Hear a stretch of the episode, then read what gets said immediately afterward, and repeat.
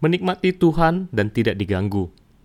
Saudari, topik harta bagi jiwa hari ini adalah tentang menikmati Tuhan dan tidak diganggu. Memalingkan hati kita kepada Tuhan adalah langkah pertama dari doa. Kidung Agung ada menyebutkan tentang ciuman dan memeluk Tuhan, meminum cintanya dan tidak menggerakkan cinta, yang berarti tidak diganggu. Kandungan dari lagu pujian yang berharga dapat membimbing kita kepada Tuhan. Namun yang terpenting, yaitu kita dapat menikmati dia. Kita tidak hanya berpikir tentang kebenaran yang berhubungan dengan Tuhan, namun kita juga perlu menikmati dia. Saat kita berada di hadapannya, maka kita dapat berbicara padanya dan kita dapat bertenang di hadapannya. Terkadang, saat-saat hening yang tanpa kata-kata demikian adalah yang lebih baik daripada berbicara. Dan sebenarnya tidak menjadi masalah apakah kita ada berbicara padanya ataupun tetap diam. Karena bagian yang terbaik adalah bahwa kita memiliki Tuhan dan kita dapat menikmati Dia. Tuhan akan menyediakan sesuai dengan kebutuhan kita. Namun yang paling penting yaitu kita dapat menikmati Tuhan itu sendiri. Saat kita berada dalam hadiratnya, maka kita akan dapat menikmati penyediaannya. Kehadiran Tuhan yang istimewa adalah bersama-sama dengan kita, yaitu saat kita berkumpul bersama di dalam namanya. Oleh karena itu, kamu akan merasa berbeda, sekalipun dalam ibadah, kamu hanya duduk saja. Itu adalah karena kamu berada dalam hadiratnya. Mungkin Sebelumnya kamu pernah mengalami hal yang demikian. Kamu dipikat oleh Tuhan dan kamu tetap berada di hadapannya. Mungkin kamu tidak mengatakan sepatah kata pun, namun pikiranmu juga tidak kosong. Pada saat itu, hatimu adalah yang tertuju pada Tuhan, dan kamu memberikan cintamu padanya. Meskipun kamu tidak berkata-kata, namun kamu menghargai dia, yaitu dari lubuk hatimu. Terkadang, jika kita terus berbicara, maka mungkin kita tidak dapat menenangkan diri dan tidak dapat memberikan perhatian kita padanya. Selain itu, hal itu dapat menghalangi Tuhan untuk berbicara pada kita. Seperti kasih sayang di antara manusia. Saat dua orang berpelukan, terkadang tidak mengucapkan satu kata pun, namun mereka dapat menikmati dan menunjukkan kasih sayang satu dengan yang lain. Seorang bayi akan berhenti menangis sesaat ibunya menggendongnya sekalipun ibunya tidak mengucapkan sepatah kata pun kepada anaknya itu. Kamu dapat memberitahu pada Tuhan akan apa yang ada di hatimu. Namun itu tidak berarti bahwa kamu harus terus-menerus berbicara. Terkadang, saat tenang adalah yang lebih baik. Saat kamu berbicara, maka mungkin hal itu akan mengganggu persekutuanmu dengan Tuhan. Namun, saat hatimu berpaling padanya, maka dalam kondisi yang demikian kamu dipikat olehnya ini adalah sebuah dasar untuk menjalani kehidupan doa yang tanpa henti. Kandungan dalam lagu pujian dapat dilihat sebagai banyaknya gambar yang berbeda yang menggambarkan kasih dan kemuliaan Tuhan bagi kita.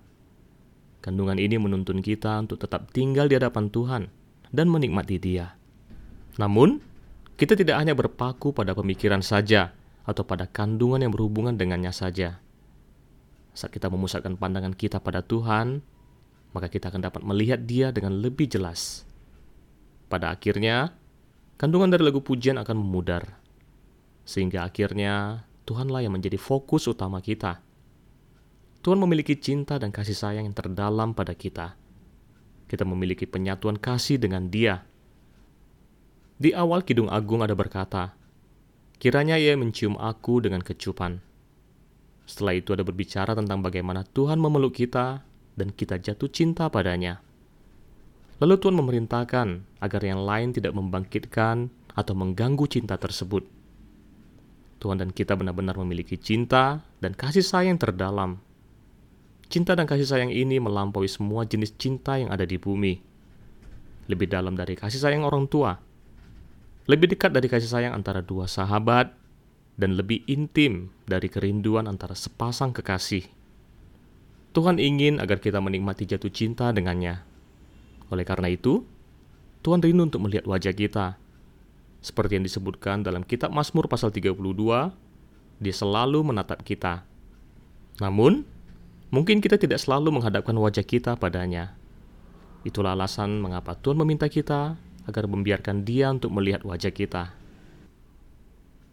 Saat kita memandang pada Tuhan dan menyadari bahwa Dia ada di mana-mana, Dia ada dalam kemuliaan, dan pada saat yang bersamaan Dia ada dalam hati kita, maka hati kita akan terhubung dengannya.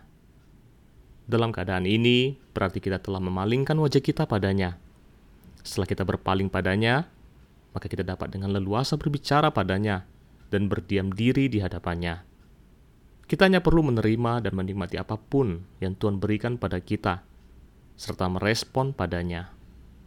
Dengan tanpa kata-kata dan terpesona oleh cintanya, juga merupakan tanggapan cinta kita pada dia. Tuhan mengetahui isi hati kita, dan dia tahu bahwa kita mengasihi dia. Semua tanggapan ini adalah yang sangat memuaskan dia. Selain itu, kita juga memberi kesempatan pada Tuhan untuk berbicara pada kita. Oleh karena itu, dengan kata-kata maupun tanpa kata-kata adalah yang baik. Yang terpenting yaitu kita dipikat olehnya dan kita dapat menikmati dia. Janganlah mengira bahwa dengan berdiam diri, maka pikiranmu haruslah kosong. Karena terkadang tanpa kata-kata itu juga adalah yang lebih baik.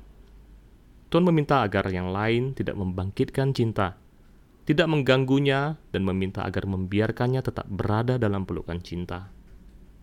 Namun terkadang, dalam menikmati kasih Tuhan, mungkin kamu sendirilah yang menjadi pengganggu bagi dirimu sendiri. Jika kamu berkata-kata pada saat yang tepat, maka itu adalah yang bagus. Ada beberapa mazmur yang kandungannya penuh dengan doa dan permohonan. Di sisi lain, ada beberapa mazmur yang juga menyebutkan tentang saat-saat hening dan menanti.